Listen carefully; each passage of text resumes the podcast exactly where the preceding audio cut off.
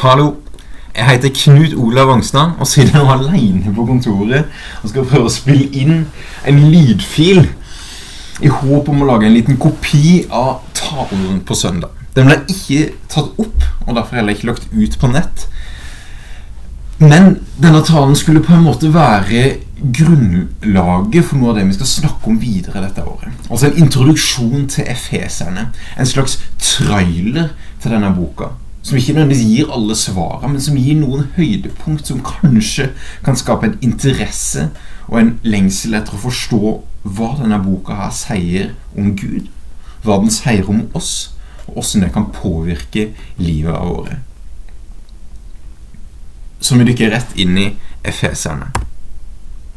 Året er 53 etter Kristus, bare 20 år tidligere så var det en mann med navn Jesus Kristus som ble drept på et kors, lagt i en grav, og ifølge vitnene sto opp igjen tre dager seinere. Og det som skjedde her, kan for oss virke som et slags show, eller hva var meninga med det her?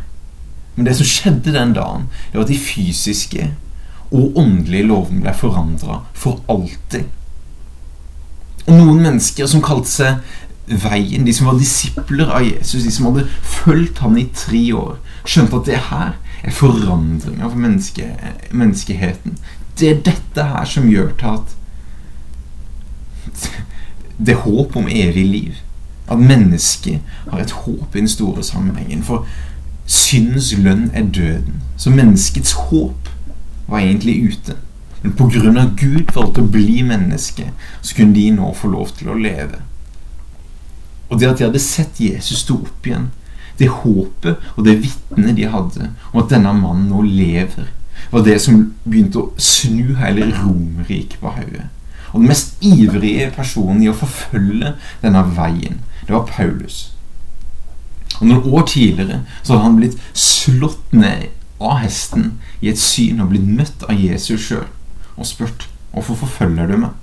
Og denne mannen hadde nå reist rundt i den tids Asia for å fortelle nyhetene om at den mannen som han en gang forfulgte, var nå kommet var, var denne verdens frelse. Var jødenes Messias og hedningens håp. Vi møter Paulus i apostelens gjerninger. Og vi, øh, ut fra Efeserne, møter han i, i apostlene kapittel 19. Der reiser han på sin tredje misjonsreise og har reist rundt i Asia. Og, det står at han møter ulike grupper med disipler. Og det han driver med, er at han setter mot i dem, og så reiser han videre. Og så hører han at det har vært en fyr i menigheten i Efesos. Eller det har vært en fyr i Efesos, det var ikke noe menighet ennå. Og denne mannen het Apollos. Og Paulus visste at Apollos han var god på mange ting, men spesielt på én ting. Og det var å overbevise jøder om at Jesus var Messias. Altså Alle plassene Apollos hadde vært, så var det mest sannsynlig en samling med disipler av folk som var overbevist om at Jesus er Messias. Men Paulus visste òg om at Apollos hadde noen mangler. Så han allerede satt Askvillas og Priskilla, på saken om å disippelgjøre han. Så når han da hørte at Apollos var reist videre til Korint, så reiser da Paulus til Efesos. Og Vi leser da fra Apostels gjerninger, kapittel 19, vers 1. Mens Apollos var i Korint, reiste Paulus gjennom innlandet og kom til Efesos. Der møtte han noen disipler og spurte dem Fikk dere Den hellige ånd da dere kom til tro? De svarte Vi har ikke engang hørt at det er noen hellige ånd. Hva slags dåp ble dere da døpt med? spurte han. Johannesdåpen, svarte de. Da sa Paulus, Johannes døpte med en dåp til omvendelse. Han sa til folket at de skulle tro på ham som kom etter ham, og det er Jesus. Og etter å ha hørt dette lot de seg døpe til Herren Jesu navn. Og da Paulus la hendene på dem, kom Den hellige ånd over dem, og de talte i tunger, og de talte profetisk. Det var omkring tolv menn i alt. Før vi begynner på brevet til efeseren, syns jeg det er viktig å se hvordan denne menigheten starta. Og det her var ikke et unntak at Paulus la en grunnvoll før han starta menighet. Det som skjedde etter det her, var at han underviste tre måneder på Tyrannoskolen. Og så var han der i, over to år for å, å starte denne menigheten. Men først i Efesos og på andre plasser. Vi ser at Philip gjør det, vi ser at, at uh, Peter skriver om det samme. At før de går videre, så spør de om noen grunnleggende ting i Guds rike. Og jeg tror at dette er noe som vi må tørre å spørre oss sjøl om når vi skal bygge menigheter, når vi skal dykke inn i Efeserbrevet som menighet. Åssen står det egentlig til med vår tro? Det visste han at de folka her De hadde i hvert fall blitt overbevist om at Jesus var Guds sønn, så de trodde på Gud. Så de hadde i hvert fall lagt et fundament når det kom til tro. Og så visste han jo at de hadde blitt døpt med Johannesdåpen, som er en dåp til omvendelse. Altså fra synd til liv. Hvis de levde på en måte som ikke var i samsvar med Guds ord, så var dette en omvendelse fra at ok, det her er ikke riktig lenger. Nå setter jeg Jesus som herre i mitt liv. Og Derfor vender jeg meg om fra synd, så vender jeg meg til livet. Så de to første boksene var check. Tro, den var der. Omvendelsen, den var der.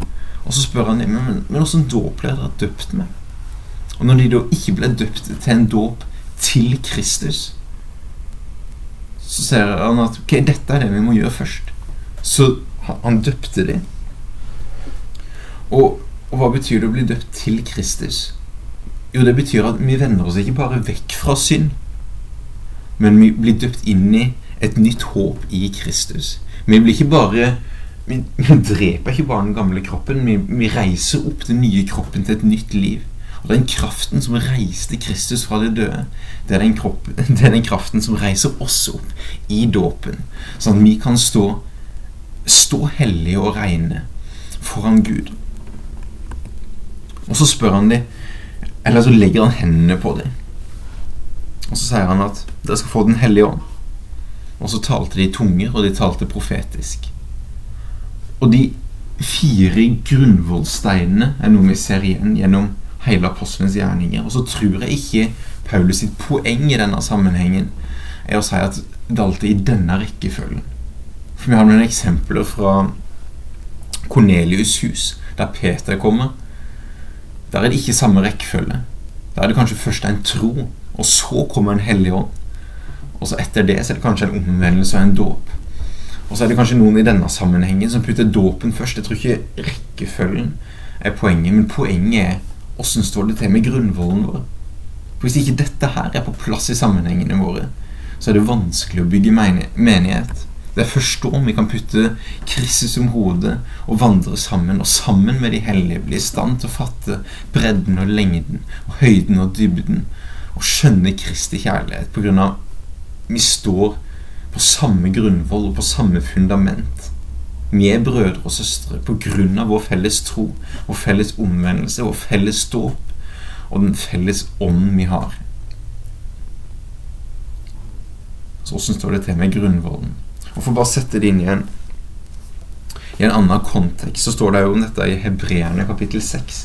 Det kan vi lese om helt i begynnelsen av kapittel 6. At Paulus skulle ønske at han kunne gå videre med, med åndelig med mat som han kunne undervise dem. Han syns det er kjedelig at han igjen må, må, må, legge grunnvollen. Men så forteller han heldigvis hva grunnvollen er. Og den ligner på det vi ser igjen i praksis i Paulus sitt liv. Nå vet vi ikke om det var Paulus som skrev hebreerne. Jeg tror kanskje det. Men, men, i hvert fall så skriver han her at okay, grunnvollen er omvendelse fra døde gjerninger. Det er tro på Gud. Det er undervisning om uh, om, om dåp. Eller dåper er det greske ordet baptismos. Og som veldig ofte henviser til dåp i vann og dåp i ånd. Det er håndspåleggelse, altså det å be om at folk skal få Den hellige ånd, eller be for syke. Altså praksisen av å leve med Den hellige ånd. Og så er det to ting som ikke blir nevnt her. men det er Troen på de evigt, eh, på de dødes oppstandelse og på evig dom. Og dette er jo ting som kanskje ikke prates så mye om i våre sammenhenger, men som for Paulus, når han skulle legge grunnvollen, eller grunnlaget for å bygge en menighet, så er det her helt grunnleggende. Så åssen står det til med vår grunnvoll? Ca. åtte år etter at Paulus har vært og starta menigheten i Efesos, undervist i synagogen og så vært der i, i to år, så skriver han et brev til dem. Mest sannsynlig så sitter han i Roma i fengsel og skriver dette brevet. Og det som gjør det brevet interessant for oss som menighet, er at det ikke er et brev der han bare hamrer på noen lærespørsmål. Det er ikke som galaterne som handler om at det må inkludere hedningkristen eller korinterne. noen, noen konkrete ting som han virkelig løfter opp. Men det er et ganske generelt brev. Det er et brev som er skrevet til hedningkristne. Og Dette kan jo være litt sånn overraskende, for det virker jo som at det er jødekristne han prater til når vi møter han i Efesos i Apostlenes gjerninger. Men det viser kanskje bare at det kommer veldig mange nye til tro på de åtte til ti åra. Fra han har vært der, til han skriver brev til dem. Han skriver til hedningkristne, noen han ikke kjenner. Han skriver ganske generelt. Og det gjør til at jeg tror at dette er et veldig fornuftig brev å, å dykke inn i som menighet. Og det er grunnen til at vi tør å bruke et helt år. Det betyr ikke at vi kommer til å undervise kronologisk bare ut fra Efeserne hele året, men vi har laget et årshjul der vi har delt opp Efeserne i eh, Efeserne over det året her. Og det vi ser ut fra undervisninga til, til, Paulus i Efeserne og, og, Paulus er virkelig en dyktig lærer. For det er ikke sånn tilfeldig oppbygging. Det er ikke sånn muntlig brev som du bare hopper fra ting til ting. Det er systematikk. Og kapittel 1 til 3 handler om hva Gud har gjort for oss. Og kapittel 4 til 6 handler om praksisen. Hvordan vi da bør leve. Det er som en sånn svingdør som du kan finne på inn til inn til kjøkkenet på restauranter eller bardører. Der du svinger opp døra den ene veien. Og så handler det om teorien. Altså vår identitet i Kristus. Hva Gud har gjort, og hvordan, hva det betyr for oss. Og så svinger jeg døra tilbake, der du skjønner at vi kan ikke bare vite teorien hvis vi ikke lar det her påvirke livet vårt. Og Der blir Paulus praktisk med oss. Og for noen så er det sånn Yes, endelig! kan Bibelen være praktisk, så jeg kan vite hva det her egentlig betyr. Og for andre så får vi en litt sånn vond klump i magen. Skal Paulus komme og fortelle meg hva jeg skal gjøre? Men uansett så er det her et brev som vi skal få lov til å leve i. Det er bønner vi skal få lov til å be. Det er sannheter vi skal få lov til å grunne på. Og det er praksiser vi skal få lov til å øve oss i. Og i det så tror jeg dette brevet skal få lov til å prege oss denne høsten. Det i Kristus blir på en måte slagordet for oss denne høsten her. Og for Kristus blir slagordet denne våren. Hva har Kristus gjort i oss, og hva har Kristus gjort for oss? Og hvem vi er i Kristus, og hva vi kan gjøre for Kristus. Okay. Så la oss dykke inn med en liten introduksjon til denne boka. Og for å bare legge det som grunnvoll En av de tingene som, som Paulus øh, sjekka opp med menigheten, var det her med tro. Og det er jo en grunnvoll som vi må minne oss på før vi dykker inn i boka. Og så står det egentlig med troa vår på, på Bibelen. Tror vi at den boka her er Guds ord? Tror vi at den er inspirert av Den hellige ånd? Eller tror vi bare det er noen kloke ord som kan settes i, i sammenheng med mange andre gode skrifter fra den tida? Det spørsmålet har jeg lyst til å utfordre deg på, for det er avgjørende for om dette boka bare kommer til å være med å inspirere deg litt, eller om det kan være med å forandre livet ditt.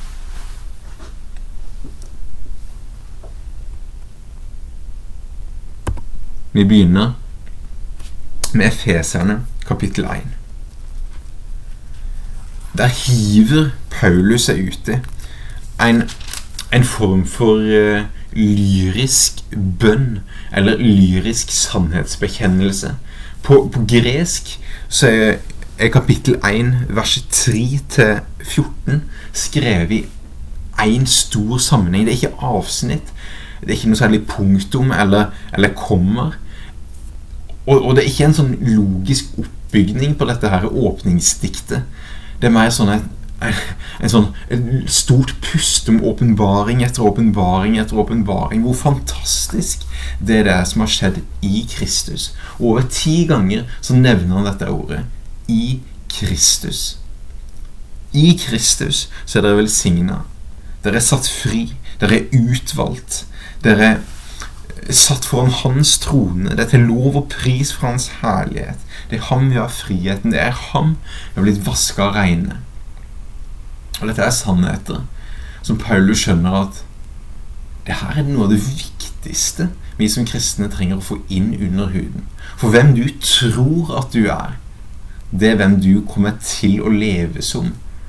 Det du tror at du er, det de handlingene du kommer til å gjøre, og det du gjør over tid, er den du kommer til å være. Så han skjønner at sannheten om hvem vi er, helt avgjørende for oss som kristne. Men han skjønner òg at dette her er det vanskeligste. Dette her er det vi kommer til å måtte jobbe med resten av livet som kristne. Så derfor avslutter han kapittel 1 med Derfor bøyer jeg mine knær. Derfor holder jeg ikke opp med å be for dere når jeg husker på dere i bønnene mine. Og måten han ber på, er ikke bare for at noen praktiske ting skal bli løst, men han ber om at de sine at de skal få en, en visdom og åpenbaring, så de kan lære Gud å kjenne. Det her er en bønn som vi trenger å be dette året. Det er en bønn vi trenger å be over menigheten vår. Det er en bønn vi trenger å be over vårt eget liv. Vi skal få en ånd av visdom og åpenbaring. For Guds sannheter er ikke alltid logiske. Guds sannheter ligner ikke alltid på sannhetene samfunnet presenterer oss. Men Guds sannheter er det som setter oss fri. Og Gud er nødt til å åpenbare dem for oss. Og så kommer vi til kapittel to, som med en gang kan virke ganske destruktivt. For dere var en gang døde pga. misgjerningen og syndene deres. Det er faktisk ikke håp for oss. Og Noen ganger så tror jeg vi trenger å ta steget tilbake og minne oss på hvem hadde jeg vært uten Jesus? Eller hvem var jeg før jeg traff Jesus? Og På mange måter i vår vestlige verden så kan det virke ganske bra med oss før vi traff Jesus. Men sannheten er at vi var uten håp. Vi var fulle av synd, og Gud tåler ikke synd. Vi var fulle av egoisme. Og hjertet vårt var ikke, ikke, ikke mottagelig for Guds kjærlighet. Det er hvem vi var. Vi var åndelig døde. Og så skjedde det noe med det som skjedde på korset nå ca. 30 år før Paulus skriver det her. Det som skjedde på korset, er at Gud ga sin eneste sønn for at vi skulle ha liv. Fra nåde er dere frelst, jeg tror ikke deres eget verk, men Guds gave. Og det hviler ikke på gjerninger for at noen skal skryte av seg sjøl, men vi er nå Hans verk skapt i Kristus Jesus til gode gjerninger, som Gud på forhånd har lagt ferdig for at vi skal vandre i dem. Så fra at alt håp var ute, så, ja, så har vi fått håp. Vi har fått ny hensikt i Kristus. Vi har fått nye oppgaver i Kristus. Og blitt nye mennesker. Og så begynner da Paulus dette er egentlig litt merkelige bildet, men veldig symbolske bildet. Så derfor skal vi kle av oss det gamle mennesket og ikle oss det nye mennesket. Vi skal prøve å, å tenke at nei, jeg er ikke den jeg en gang var. Du skal legge av den gamle identiteten din. Så skal vi få lov til å ikle oss den identiteten som Paulus har presentert i dette åpningsdiktet sitt. Og så vet Paulus at alle mennesker har noen grunnleggende ting de lengter etter i sitt liv. Og det har vi nå fått i det nye mennesket i Kristus. Alle lengter etter å bli elska. Og vi er nå elska i Kristus. Og vi er blitt kalt til å elske. Alle mennesker lengter etter en tilhørighet, en familie å, til, å tilhøre, en plass å høre hjemme. Den tilhørigheten har vi fått i Kristus. Vi har fått den i fellesskapet med våre brødre og søstre. Og den tilhørigheten skal vi gi til mennesker som ønsker å følge Jesus. Og så har vi fått et kall alle mennesker ønsker å føle seg meningsfulle på en eller annen måte, ha en oppgave. Og vi har fått et kall i Kristus. Resten av efeserne legger fram praksisen i det her. Dette er ikke bare noe vi har fått, og skal vi sitte og vente på at Jesus skal ta oss hjem til seg. Det er noe vi skal få lov til å leve praktisk. Og det er noe som skal påvirke hverdagen vår. Vi kommer til kapittel tre, som er denne nye multietniske familien. Denne herre familien som ble lova av Abraham. Jesus sier til Abraham at 'jeg ønsker å velsigne deg, du og din familie'. Og det skal være til velsignelse for alle nasjoner, alle folkeslag. Og så er vi nå blitt poda inn i den familien. Så det er ikke bare for jøder lenger, men det er for alle som har tatt del i Kristus. Og dette er noe som Paulus skriver ganske masse om i Efeserne. Og jeg tror det er viktig for oss å prøve å få tak i det. Hva han egentlig tenker her, og med, med alt det som skjer i verden, med, med nasjonalisme, med, med etnisitet og multietniske samfunn, så er dette her enda mer tidsaktuelt. Og vi som kristne må virkelig stå fram som et forbilde på at vi ikke bare har en eh, teori, men vi har en praksis et hjertelag der vi virkelig forstår at ja, nå er det ikke jøde eller greker. Det er ikke slave eller fri. Det er ikke mann eller kvinne. Det er ikke gammel eller ung. Det er ikke noen form for forskjellighet i Guds rike. Ja, vi er forskjellige, men vi er likt elska. Vi er satt med forskjellige oppgaver og kall, men det er likhet ovenfor Kristus. Så derfor er de som har fått mest, skal tjene mest. De som blir satt til å lede, skal være de som elsker og, og tjener og, fornedrer seg sjøl for å opphøye de andre. Det er en ny måte å tenke på. Det gamle samfunnet, den gamle måten å tenke familie på, var bygd på helt andre prinsipper. Nå er det prinsippene til Kristus som gjelder. Og for å få en tanke om åssen det her kan se ut, så begynte jeg å tenke på en mann som heter Fredrik von Bordelsving. Han vokste opp på slutten av 1800-tallet i Tyskland. Og Han og sin far var med å starte noe som heter Battle Community.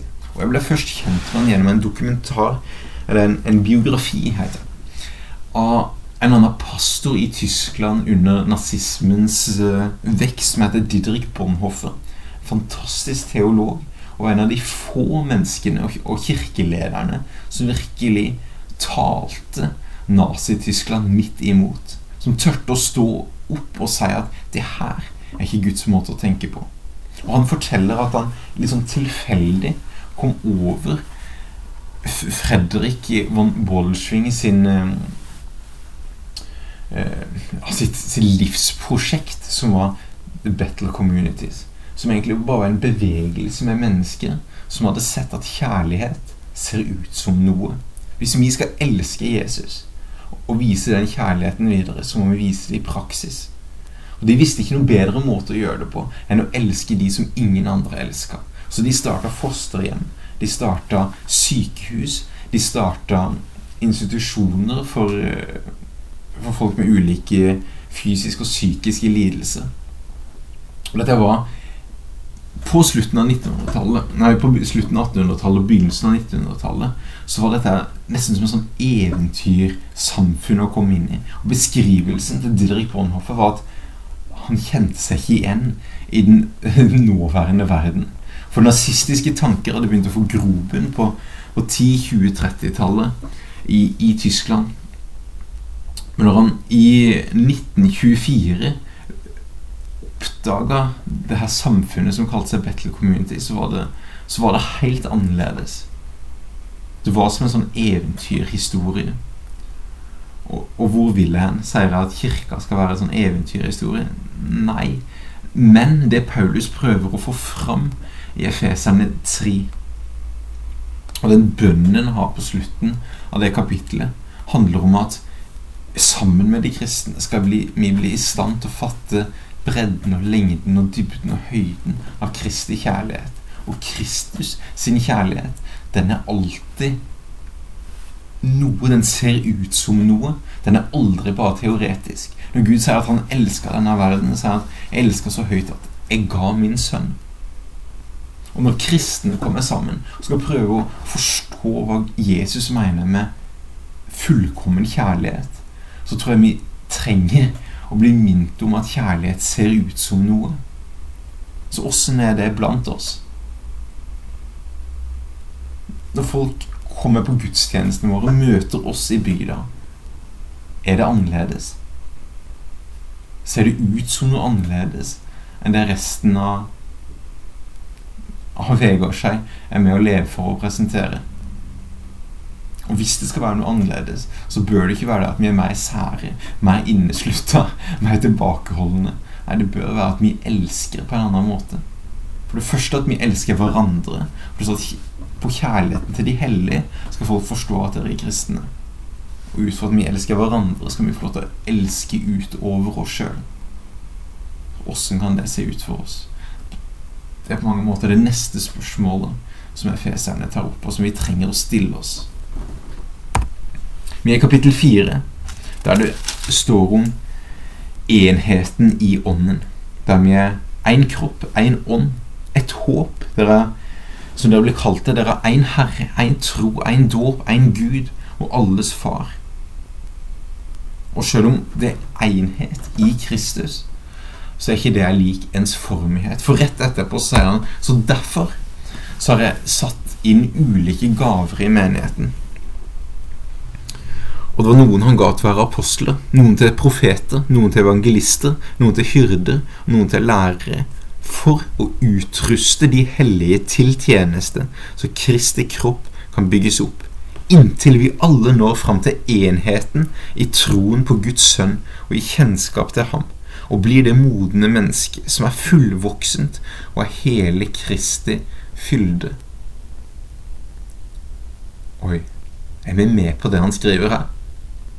Altså vi er én ånd, men har mange gaver. Og hvorfor har han satt inn ulike tjenester i menigheten? Er det for at organisasjonen skal kunne fungere? Nei. Det er én hensikt med det her, og det er for å utruste de hellige til modenhet. Og dere skal være glad for at det ikke er enhet eh, og likhet i de her gavene. For hvis uh, nå er en lærertype For noen av dere så er det her sinnssykt tørt, måten jeg står og underviser på. Så hvis jeg skulle vært, lærer, skulle vært en lærer på plattformen her hver gang som det skulle blitt undervist, så hadde det passa noen av dere, og så hadde det passa andre veldig dårlig. Og for det andre så er ikke målet mitt som lærer på å gjøre hodene deres større. Målet mitt som lærer vil være ut fra feserne her og, og føre hver og enkelt til modenhet. Og var det sånn at Jesus bare var en av de tingene? Var han bare apostel eller bare profet? Nei, nei, han hadde jo alle de egenskapene. Og målet er at vi skal til full modenhet i Kristus. Så det betyr at læreren i menigheten hjelper alle til å bli bedre lærere i sine sammenhenger. Kanskje er det bare for familien din, men du er i hvert fall satt inn der til å være en lærer. Eller kanskje er det for bibelgruppa di. Kanskje er det på søndagsskolen. Men alle er kalt til å bli bedre til å undervise i Guds ord. Gud har satt inn noen evangelister. Ja, Det er veldig flott at vi er evangelister blant oss, sånn at flere kan komme til å tro. Men målet er at hver enkelt av medlemmene i denne kroppen som er kirka, skal bli mer evangelistiske. Så eksempel når, når jeg prater med Knut, så kan jeg sitte igjen med en følelse av at ja, jeg må jo møte den naboen når jeg kommer hjem. Og Jeg må huske på han. På grunn av sånn jeg ser det, så har han en evangelistisk nådegave pluss mange andre ting. Men som gjør til at vi blir inspirert til å være mer evangelistiske. Vi trenger hyrder for å gjøre at vi blir minnet på at ah, vi må huske på folka vi er rundt oss. Vi trenger profeter, sånn at hver enkelt av oss kan bli mer profetiske. For det målet som vi har som kirke, er ikke å drive en virksomhet, men det er til å føre hverandre og hjelpe hverandre til modenhet i Kristus. Og så kommer da de her fantastiske bildene med det gamle og det nye mennesket. Og, og hvordan det her kan se ut for oss. Og Efeserne og Paulus for så vidt maler på en måte to bilder av hvordan Jesus skal bli synlig blant oss. Og Det ene er personlig, og det andre er på samfunnsnivå. Og Det ene bildet som blir malt, er et nytt tempel og det andre er en ny kropp. Og Hvis vi ser på det nye tempelet, så er det noe som Paulus sier at nå er dere tempelet. Og tempelet i Gamle Testamentet var jo meint at det skulle være en møteplass der mennesket kunne tre inn, og der Gud kunne komme ned. Og så er det designet på en sånn måte at både mennesker og Gud kunne være der samtidig. Og hva er det Paulus sier nå? Jo, dere er det nye tempelet. Og i Romerne skriver han da at dere er Guds tempel, så bær da fram kroppene deres som en åndelig gudstjeneste med at dere fornyer sinnet deres etter dette nye mennesket. Så for at vi skal være et tempel som både Gud kan bo i, og som vi kan være i, som skal være et sunt tempel, så trenger vi for det første å gi livet vårt til Gud. For da blir det mulig for Gud å bo der. Og så skal vi få lov til å, å gjøre en sånn oppgradering på det tempelet med å bytte ut litt av interiøret, med å fornye sinnet vårt, med at de gamle tankene som ikke var Kristus, skal vi få lov til å bytte ut. Og skal vi få lov til å fornye det med Kristus sine tanker. Som gjør altså et nytt tempel. Din identitet er helt ny. Og så det andre eksempelet med den nye kroppen, som har på en måte samfunns, er på samfunnsnivå, er det som vi kaller kirka. Paulus gir mange eksempler på hvordan det kan se ut. Jo, vi har altså mange lemmer, men én kropp. Og Kristus er hodet, og vi er lemmer på hans kropp. Så kanskje du har fått plass som en fot du, og, og, for at kroppen skal fungere, så trenger den kroppen at akkurat du er der. Så vi er avhengig av alle som har poda seg inn på Kristus, er jo poda inn i hans familie. De som er født på ny til Kristus, er jo født på ny inn i den nye familien. Vi er altså ikke bare en ny kropp i Kristus, men vi er en ny, uh, en ny uh, menneskelighet. Som ikke bare er borgere av dette riket, men vi er borgere av Guds rike. Altså et nytt tempel og en ny kropp. Og så ser vi svingdøra slår virkelig tilbake. Så derfor har, har denne teologien som nå Paulus har lagt ned, en, en bakside, eller en, en, en, konsekvens, om du vil. Så la oss begynne med det her med den det gamle mennesket. Og så, så sier Paulus kle av deg det gamle mennesket, og kle på deg det nye. Du skal få lov til å kle av deg løgnen. Hvorfor skal du kle av deg løgnen? Er det pga. du må ta deg sammen? Du må, du må skjerpe deg i Kristus? Nei. Det er pga. du kler på deg et nytt menneske. Og så prøver du å leve opp etter den standarden som det nye mennesket. Det her handler ikke om å, å skjerpe seg, det handler ikke om å prøve mer. Det handler om å ikle seg Kristus og hvile i Han og takke Gud for at jeg er et nytt menneske i du. Jeg trenger ikke å leve etter den gamle måten å leve på lenger. Jeg kan få lov til å strekke meg etter den nye standarden. Betyr det at det nye mennesket alltid gjør rett? Nei, nei. Men det betyr at det nye mennesket Mennesket kan reise seg når han faller, på grunn av han vet at det er nåde. Det nye mennesket vet at selv om jeg griser meg til, så kler, på, Jesus på meg igjen. Så identiteten din blir ikke, blir ikke eh, forfalska, identiteten din blir ikke tilskitna selv om du gjør feil. For identiteten din er noe du har uansett. Så hvis du er en løper som akkurat har snubla, så er du fortsatt en løper så lenge du passer på å hoppe opp på beina igjen og løpe videre. Ok, Så du kler altså av deg løgnen og kler på deg sannhet. Du kler av deg sinne, og så ikler du deg fred. Betyr det at du ikke blir sint? Nei. Paulus sier her videre at selvfølgelig blir dere sinna. Så når dere blir sinna, så bare pass på at, at ikke sola går ned over deres vrede. Pass på at ikke det blir til bitterhet. Pass på at tilgivelse kommer istedenfor bitterhet. Men selvfølgelig skal dere bli sinna. Og pass på nesten at dere blir sinna for når det ikke handler om dere. Hvis andre blir gjort urett, pass på at dere står opp for det. Og så kanskje de gangene dere bare blir sinna i deres eget egoisme, er noe dere trenger å legge av dere. Legge av dere horet og ikle dere selvkontroll. For det er ingen fristelse lenger som er over, over evne. Men utgangen på den skal bli sånn at dere klarer det ikke pga. dere skal bli flinkere, men pga. nåden dere har fått, istandsette dere til hellige liv. Kle av dere baktalelse. og så kle på dere oppmuntring.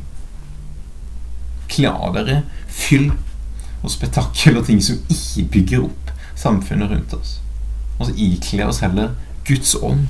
Og så syns jeg det er morsomt at noen av tegna han gir på Guds ånd på slutten av kapittel 4. At, så derfor skal dere synge sammen. Syng av hjertets lyst. Og så syng aleine. Vær takknemlige. Og måten dere skal gjøre det på, er at dere ser Kristus til forbilde. Og Kristus sitt forbilde er at han fornedrer seg sjøl for å løfte oss opp. Altså at vi setter andre over oss sjøl. Vi syns det er viktigere å lytte til andre enn å kanskje sjøl bli hørt på. Vi syns det er viktigere å elske andre enn å sjøl bli elska. Vi prøver å tolke folk i beste mening pga.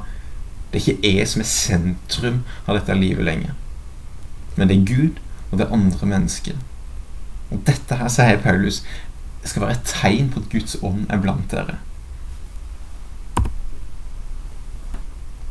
Går over i kapittel 5. Dette er noe jeg gleder meg til at vi skal prate om, og som jeg tror er enormt viktig å prate om. Kapittel 5 i Efeserne. Det er mye som står der, men det som blir fokusert inn på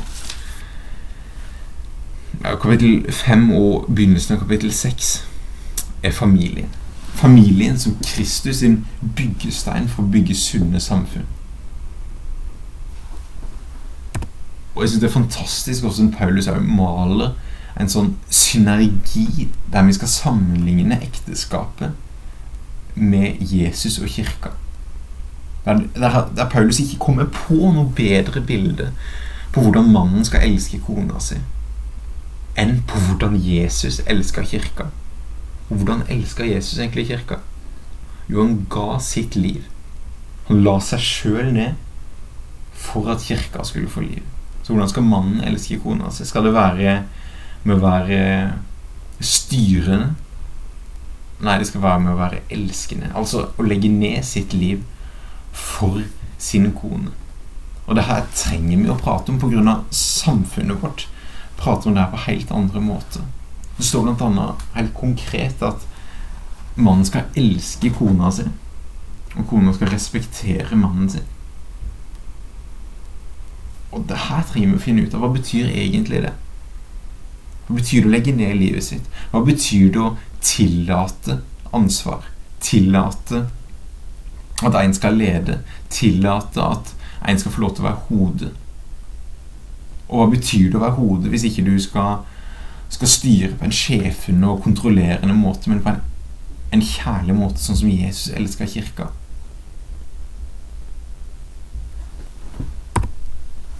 I, i de spørsmålene så tror jeg vi trenger å bare hilse på en fyr. Denne fyren heter Nesli Newbegin. Og Leslie Newbegin var fra Storbritannia. Og i 1943 så reiste han som misjonær til India. Og han var misjonær der i 40 år. Og han er en av de som har betydd kanskje mest for kirkas vekst i India. Og en enormt viktig frontfigur for, eh, for den delen. Og så kommer han tilbake til England 40 år seinere. og så møter han et England som er, som er helt forandra. Møter et England som ikke lenger står opp for de samme verdiene som de sto opp for når han reiste til India 40 år seinere. Og så prøver han å definere hva som egentlig har skjedd her. Og så begynner han å kalle England for et postkristent samfunn. Uten at han får de andre kirkelederne helt til å skjønne hva han mener. For, for, de har bare vært en del av utviklinga. Og så vier han resten av livet sitt på å fortelle at ah, nå må vi passe oss. For min største utfordring, sier han, når han kom til India, var ikke å få folk til å tro på Jesus, for, for det syntes de var helt greit. Utfordringa var, var, å forstå at Jesus forandrer livet ditt. Og forstå at den hindus, eh, hinduistiske måten å tenke på verden, verden, på ikke var Bibelens måte å tenke på verden. Det var å forandre verdensbildet de sitt. Og det brukte han årevis på for dem til å tenke annerledes. Og for å forstå at de er heldige, de er annerledes enn resten av samfunnet. Derfor tenker vi annerledes om alle sider av samfunnet. Det ser annerledes ut å følge Jesus. Og hvis Leslie Newbegin så at England på 70-tallet var postkristent, så ser vi i hvert fall at Norge i 2021 er et postkristent samfunn. Så når det kommer til ekteskap, familie, åssen det skal se ut blant oss, så ser vi at vi trenger å oppdatere kunnskapen vår. Der ikke bare samfunnet skal få lov til å tale sannhet til oss, men der Guds ord er nødt til å tale sant til oss. Om hva som egentlig er fundamentet som vi skal lov til å bygge ekteskapene våre på, og livet våre på. Han hadde en uttalelse om at for, England på den tida They want the kingdom without the king.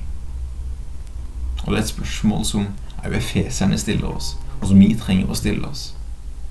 Vi ønsker gjerne velsignelsene av evangeliet. Vi som samfunn har er med uttalt at vi ønsker å bygge landet vårt på et judeokristent måte å tenke på. Vi ønsker velsignelsene av Guds rike. For, for det å gå og følge Guds vei på hvordan vi skal bygge samfunnet, det er en suksessfaktor. Men hvis vi ikke ønsker Jesus som konge, så vil det bare være et tidsspørsmål før ting ser veldig annerledes ut. Og så kommer vi til Efeserne 6 og Guds fulle rustning. Mange kjenner til det bildet her fra før. Og det jeg syns er interessant, det er at Paulus sitter i fengsel under romeren. Men så sier han aldri at jeg er en fange av romerne. Han sier at jeg er fange for Kristus. Og så sier han da at at dette er ikke en kamp mellom kjøtt og blod. Så det Paulus forsto veldig godt, er at vår utfordring det er ikke menneskene rundt oss. Hans utfordring var ikke romerne. Hans utfordring var ikke fengselsvaktene. Det var bare en mulighet for å dele evangeliet. Vår utfordring er ikke politikere som vi er uenige i. Vår utfordring er ikke naboer som står for noe annerledes enn oss. Det er bare en mulighet til å være med å elske. Vår utfordring er ikke menneskene rundt oss. Vår utfordring en kamp mot verdens herskere i dette mørket, mot ondskapens ånde her i himmelrommet. Så derfor ta på Guds fulle rustning. Hvis vi nå skal prøve å avslutte noen spiraler her Hvis vi går tilbake til Tyskland på, på slutten av 1900-tallet Nei, begynnelsen av 1900-tallet Der naziregimet får lov til å reise seg. Tyskland på begynnelsen av 1900-tallet var det landet der Eh, der flest doktorgrader ble skrevet. Det var enormt god legeutdanning. Det var masse høyere utdannelse. Det var et industrielt suksesssamfunn. Det var veldig på framvekst. Det var ikke et sånn tilbakestående samfunn som vi kan tenke at selvfølgelig her er det grobunn for konspirasjonsteorier og, og mektige ledere. Nei, nei. Det var på en måte primus motor på et på et håpfullt eh, samfunn, på, på, Vesten i utvikling. Det var Tyskland. Det var det de representerte. Og så greide de på bare få år å snu det her til at den roper med et holocaust, med at seks millioner jøder blir drept. Med at folk som ikke passer inn i de sine utopiske tanker om hva et samfunn skal være, blir, blir drept pga de ikke har fysiske eller psykiske eh, injeksjoner om at sånn skal, skal mennesket være. Hva er det som fører til en forandring i samfunnet på den måten? Skal vi bare skylde på Hitler? Skal vi bare skylde på enkeltmennesket? Da tror jeg Paulus sier et tydelig nei. Det står noe bak. Og bak, det som står bak, er ikke bare noe vi ikke kan forholde oss til. Jo, det er faktisk en person. Og den personen har mange navn, men har jo navn som løgner eller Eller lysets engel. Noen som ikler seg noe som kan se veldig bra ut, noe som kan virke veldig bra, noe som kan virke framtidsretta, noe som vi kan ofte si 'Ja, det der så bra ut'. Men hvis du følger tankene langt nok, så ser du at Oi, det her fører til død. Det her er destruktivt. Så sier da Paulus at ikle deres ikle dere den fulle rustning. Altså Dere kan stå opp for det her, sånn at dere faktisk kan, kan skjønne hva som er Guds vilje, og hva som ikke er Guds vilje. For det er Guds ord, altså det sverdet, som kløyver marg og bein og ånd og sjel. Det er bare med Guds ord dere kan forstå hva som er denne verdens krefter, og hva som er Guds vilje. Det som er vår, vår sjels ønsker og, og kjødets begjær, og det som er ånden i oss, som har lyst til å gjøre Guds vilje det med Guds ord, så, så, så ta det opp. Ta på rettferdigheten deres, ta på frelsen, ta på troa deres, ta på sannhet. Bær med dere eh, evangeliet. Eller tilbake til det vi prata om med, med Leslie Newbegin, spesielt når det kommer til familie. Skal vi gi skylda på på, på noen som er å drive fram den seksuelle revolusjonen i, i USA på 70-tallet for at samfunnet forandra seg så fort? Nei, jeg tror ikke det. Kanskje vi må se at der er noe som står bak noen av prosessene i samfunnet. Kanskje vi trenger å be litt annerledes.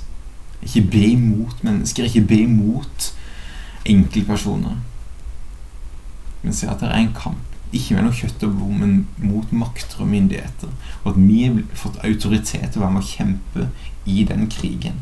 Så derfor må vi be. Be alltid i ånden. Våg og hold ut i bønnen for alle de hellige, og be også for meg, avslutter Paulus med. Vi har nå pløyd oss litt gjennom noen høydepunkt i efeserne. Hadde du skulle undervise efeserne, så hadde du kanskje dratt opp helt andre ting.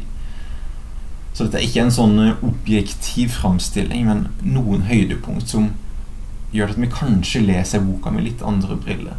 Og gjør at vi kan glede oss litt til å dykke inn i den, og, og kanskje bli inspirert til å gå hjem og lese den.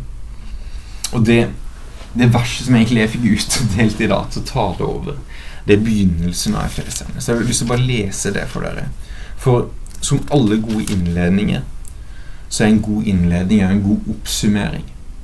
Og Paulus begynner med at Paulus, etter Guds vilje Jesu Kristi apostel, hilser de hellige. Så for det første så vet Paulus hvem han er i Gud. Det er det Guds vilje.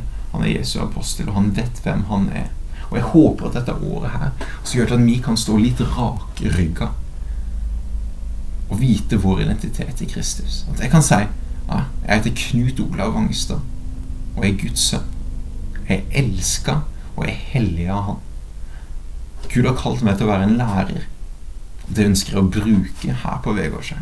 At vi kan prøve å definere hvem vi er i Gud. Og så står det at han hilser de hellige i Efesos. Og jeg tror mange fikk bakoversveisen. Dette var det første de hørte. De hadde eh, hørt om Paulus på hvor lenge de visste at han var den personen der borte. Og så sitter det mange og hører dette opplest i Efesos-menigheten, som har sine ting å stri med, og på ingen måte føler seg hellig, og sier han dere er hellige. Og så hever han standarden. Og så kler han på det en ny identitet. Dere er hellige.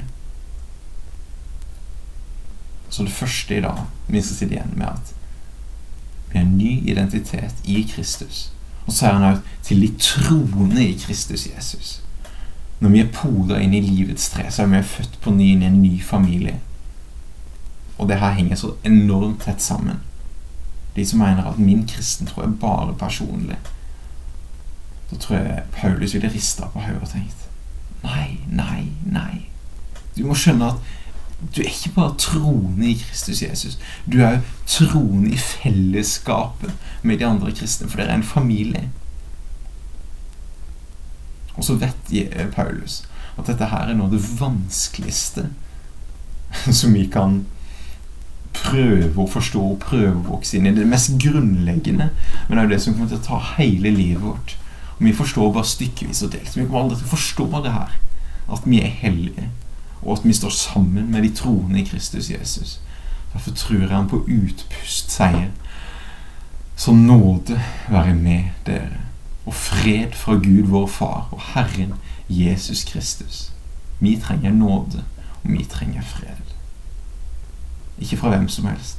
Fra vår Pappa i himmelen, Herren Jesus Kristus. så har jeg sikkert nå holdt på mye lenger enn det jeg gjorde på søndag. Men likevel så har jeg lyst til å avslutte med det jeg gjorde på søndag. For det er én person til som har noe han ønsker å si til menigheten i Efesos. Og det er Jesus sjøl. Og Vi kan lese om det i Johannes' åpenbaring, kapittel 2. Det er Johannes som fører det til pennen, men det er Jesus som dikterer hva han skal si. Og Nå er vi ca. 30 år etter at Efeserbrevet ble skrevet. Og Det første vi kan lese om i dette brevet fra Jesus til menigheten i Efesos, er at han skryter av det. Og Hvis vi har lest eh, Apostelens hjerne i kapittel 20, så vet vi at i kapittel 20 så, så møter Paulus noen av de eldste i menigheten. Han er på en, på en um, båttur forbi der på vei til Roma. Og så sier han at pass på, for det vil komme glupske ulver inn blant dere. Så pass på at ikke vranglære får Rom. Det er det første Jesus skryter av dem på. Dere har stått opp for sannheten. Det er bra.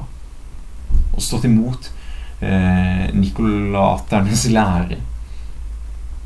Kanskje på et annet tidspunkt vi kan gå inn på hva, hva er for noe. Men, men de har altså stått imot vranglære.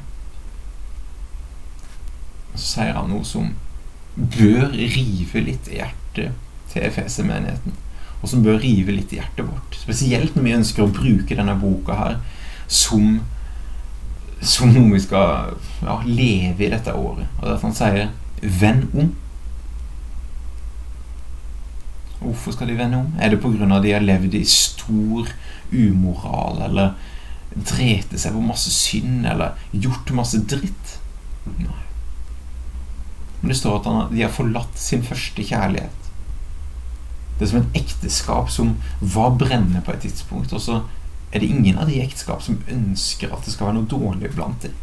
Det er snille personer som ønsker det beste, men de merker at ekteskapet begynner å, å bli litt kaldt. De har forlatt sin første kjærlighet. Så sier det opp Paulus, noe som har blitt brukt av mange ekteskapsrådgivere opp igjennom, og sannsynligvis har redda mange ekteskap. Derfor skal dere gjøre de tinga som dere gjorde før. Så hvis ditt kristenliv begynte med at du vendte deg om til Gud, ta og gjør det igjen. Vend deg om til Gud.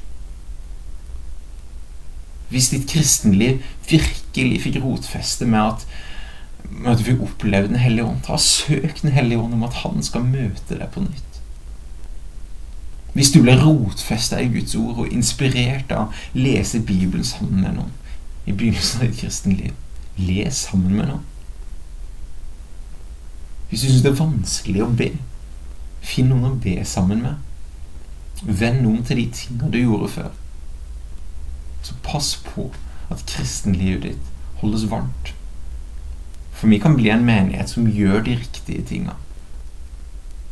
Som står for den riktige læren. Som ser fin og flott ut på mange måter. Men hvis vi forlater denne brennende iveren for Jesus, så er vi nødt til å høre Jesus' ord som runger i hjertet vårt.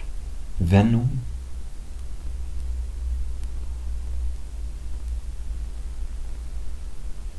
Takk, Jesus, for du er vår Herre. Du er vår frelse. Og i du så har vi alt. Vi ber om at Efeserbrevet skal bli noe som påvirker oss, utfordrer oss, forandrer oss og gjør til at vi blir en levende menighet der mennesker får møte Jesus. Amen.